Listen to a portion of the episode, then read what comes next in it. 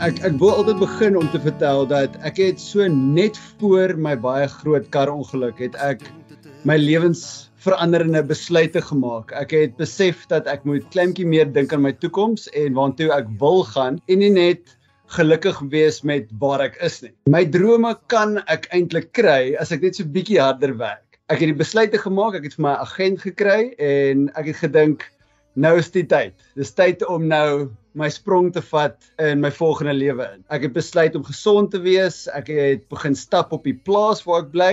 Dis nie my plaas nie, dit is 'n plaas waar ek bly. 3 maande na die besluit van my, toe is die motorongeluk. Dit was op die N2, um net buite Grabouw. Ek kan absoluut niks van die ongeluk onthou nie. Toe die besluite wat ek 3 maande voor het geneem het, is toe gesement dat nou is dit nie meer speletjies nie, nou moet ek konsentreer op beter word. Hoe het jy aangesterk daai tyd? Jy weet, moes jy van oor af sekere goed leer doen.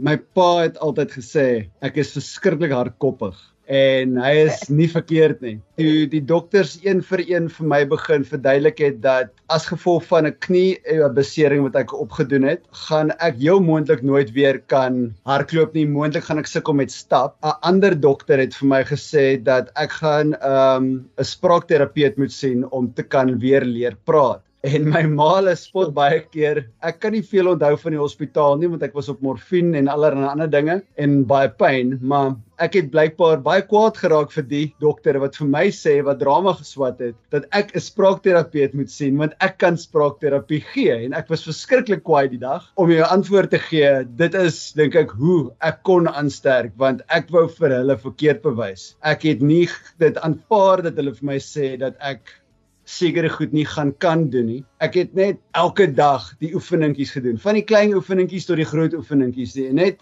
dit was belangrik vir my om net daai volgende treetjie te kan gee en om nog 'n volgende stap te kan gee in 'n regte rigting, nie net fisiese tree nie, maar net dat ek my hand kleinmetjie kan beweeg en um, een van die groot uh, beserings was in my regterarm uh was hy nie net gebreek nie, hy was ook 'n uh, gedislocate. Die senuwees was 'n sny in die arm. So die dokters het vir my gesê dat ek nooit weer die hand gaan kan gebruik nie want hy was so pap handjie, hy het net daar gehang, ek kon hom nie voel nie. Maande later onthou ek die dag wat ek en my ma en my pa letterlik gedans het in die kombuis toe ek net my pols so halwe sentimeter bo toe kon beweeg. Dit was my ouers wat my gehelp het, maar dit was net die besluit om verder te gaan en om beter te raak en om elke stukkie te werk wat ek kon werk. En toe kry jy paie met 'n hond genaamd Choppy.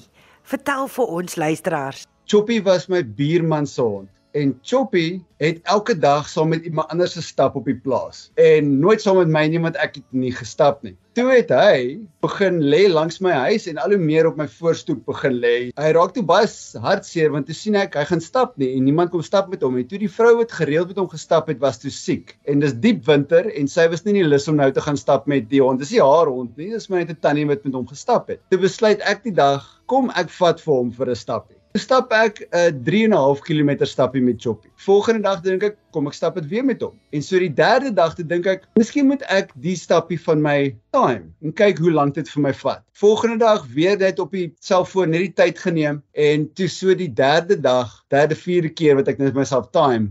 Toe dink ek terwyl ek stap, is daar nie dalk 'n app vir hierdie tipe ding? Toe vind ek um 'n uh, app wat vir my baie mooi statistieke gee om te hardloop en te stap en toe begin ek 'n klein bietjie vinniger stap. En soos ek dit aanhou doen, toe raak ek bietjie gesonder en bietjie fikser en toe raak ek verlief op hardloop. Stukkie vir stukkie het Choppy vir my partykeer laat weet ons moet nou gaan vir 'n stappie of 'n hardloopie. Ek het vir Choppy eintlik voor die ongeluk ontmoet. Toe ek nou met Choppy gestap het, is dit hoe ek fiks geraak het toe ek in die ongeluk is, het altoe my longe ook uh, plat geval. En die dokter het vir my gesê as ek nie uh, ten minste 'n klein bietjie fiks was nie, dan sou ek dit nie kon maak nie. So as gevolg van Choppy wat my stukkie vir stukkie uit die huis gekry het en my bietjie bietjie laat stap het, het op die ou en die 3.5 km voluit kon laat hardloop, is dit dat ek sterk en fiks genoeg was om die ongeluk te maak. Op sy manier my lewe gered en ek dink nie hy sal dit ooit weet nie want so 6 7 maande na my ongeluk wat ek terugtrek huis toe toe trek my buurman saam met Choppy weg. Toe's ek nou sonder Choppy. Choppy bly nou by my buurman se ouers ergens in in die noorde, dink Polokwane of so ergens en hy's blykbaar verskriklik gelukkig en word baie gepamper. Ek het toe in 2017 het ek besluit ek is nou reg, ek's gesond en ek werk genoeg. Ek kan nou my eie skaaphond kry. En toe kry ek 'n klomp pallette eers en toe bou ek vir my heiningkie rondom my huis sodat ek sulke hond kry het hy 'n tuin. Toe bel ek vir Boracay Rescue in die Kaap en sê vir hulle wanneer julle uh klein hondjies inkry, ek wil 'n klein hondjie hê dat ek hom kan grootmaak van kleins af. Toe sê mm. hulle jy's in geluk. Ons het nou net 8 nuwe Boracay hondjies gekry en jy kan kom kyk. Dis wonderlik. Wat is die hond se naam? Sy naam is Pelgrim. Pelgrim. Ek het 'n boek gelees van Paulo Coelho.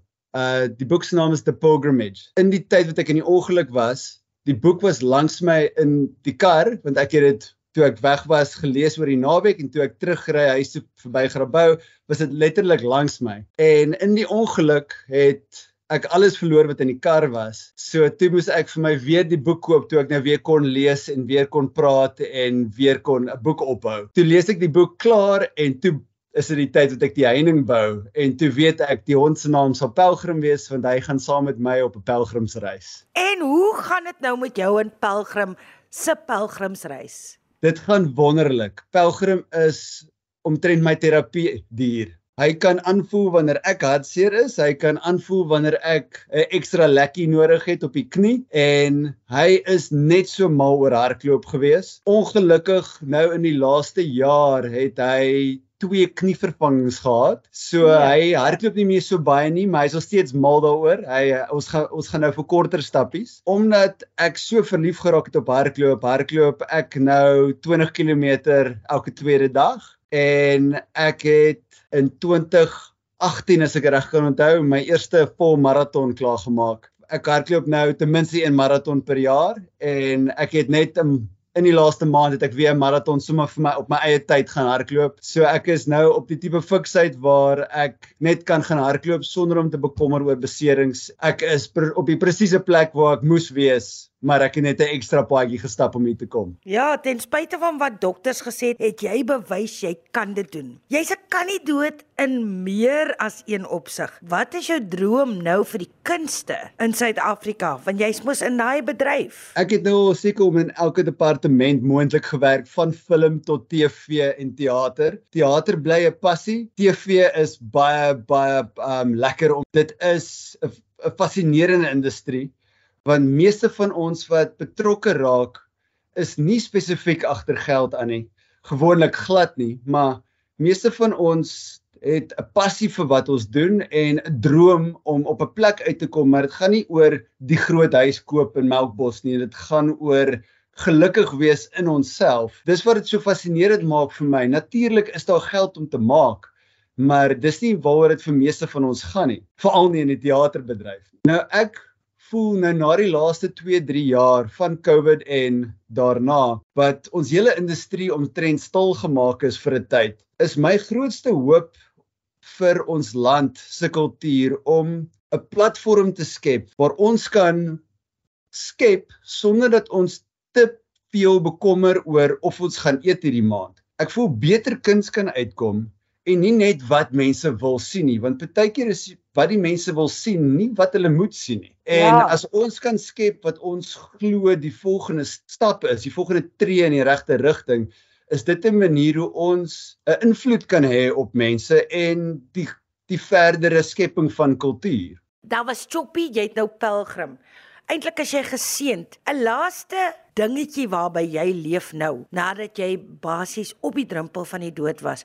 Wat sê jy vir ander mense wil sê wat op moed vloer se vlakte sit? Behalwe nou Pelgrim, ons weet hy's aan jou sy, maar wat hou jou aan die gang? Dis baie maklik om vas te kyk in wat jou pla, wat jou hinder of wat jou seermaak of net wat jou sommer irriteer. Ek weet in sekere tye is dit te ooglopend om net te ignoreer. En ek sê nie ignoreer wat jou pla nie. As jy net bietjies bietjies werk in wat jou pla of net bietjies bietjies konsentreer in wat als wat jou gelukkig maak, dan ja. is dit baie makliker om verby te kom wat jou hinder. Ek het 'n hele paar goed gehad van nie kon stap nie wat ek in 'n rolstoel was, van my hand wat nie werk nie, my al die uh, pynpille wat my hulle my opgehaat het wat my bietjie stadiger gemaak het. Dit is so maklik om in vas te kyk en dan te gaan sit terug sit en dink ek kan nie iemand met my help. As jy net stukkie vir stukkie afbreek in wat jou pla, is dit baie makliker om te kom by die plek waar jy wil wees. As jy vaskyk in die muur, is dit amper onmoontlik. As jy vaskyk in die een baksteen, dan raak dit 'n moontlikheid. Baie baie dankie John dat jy met ons gesels het. Jou verhaal vertel het en ek hoop dit gaan nog goed met Choppy en ek wens vir Pelgrim net die beste toe en ook so vir jou John, sterkte vir jou vorentoe. Maar dit lyk my jy's aan die gang en aan die brand. Geseënde 2023 vir jou en joune. Baie baie dankie Heidi. Dit was baie baie lekker om te gesels en 'n uh, voorspoedige 2023 vir jou ook. Ek glo hierdie gaan 'n goeie jaar wees vir ons almal. Ek glo dit regtig.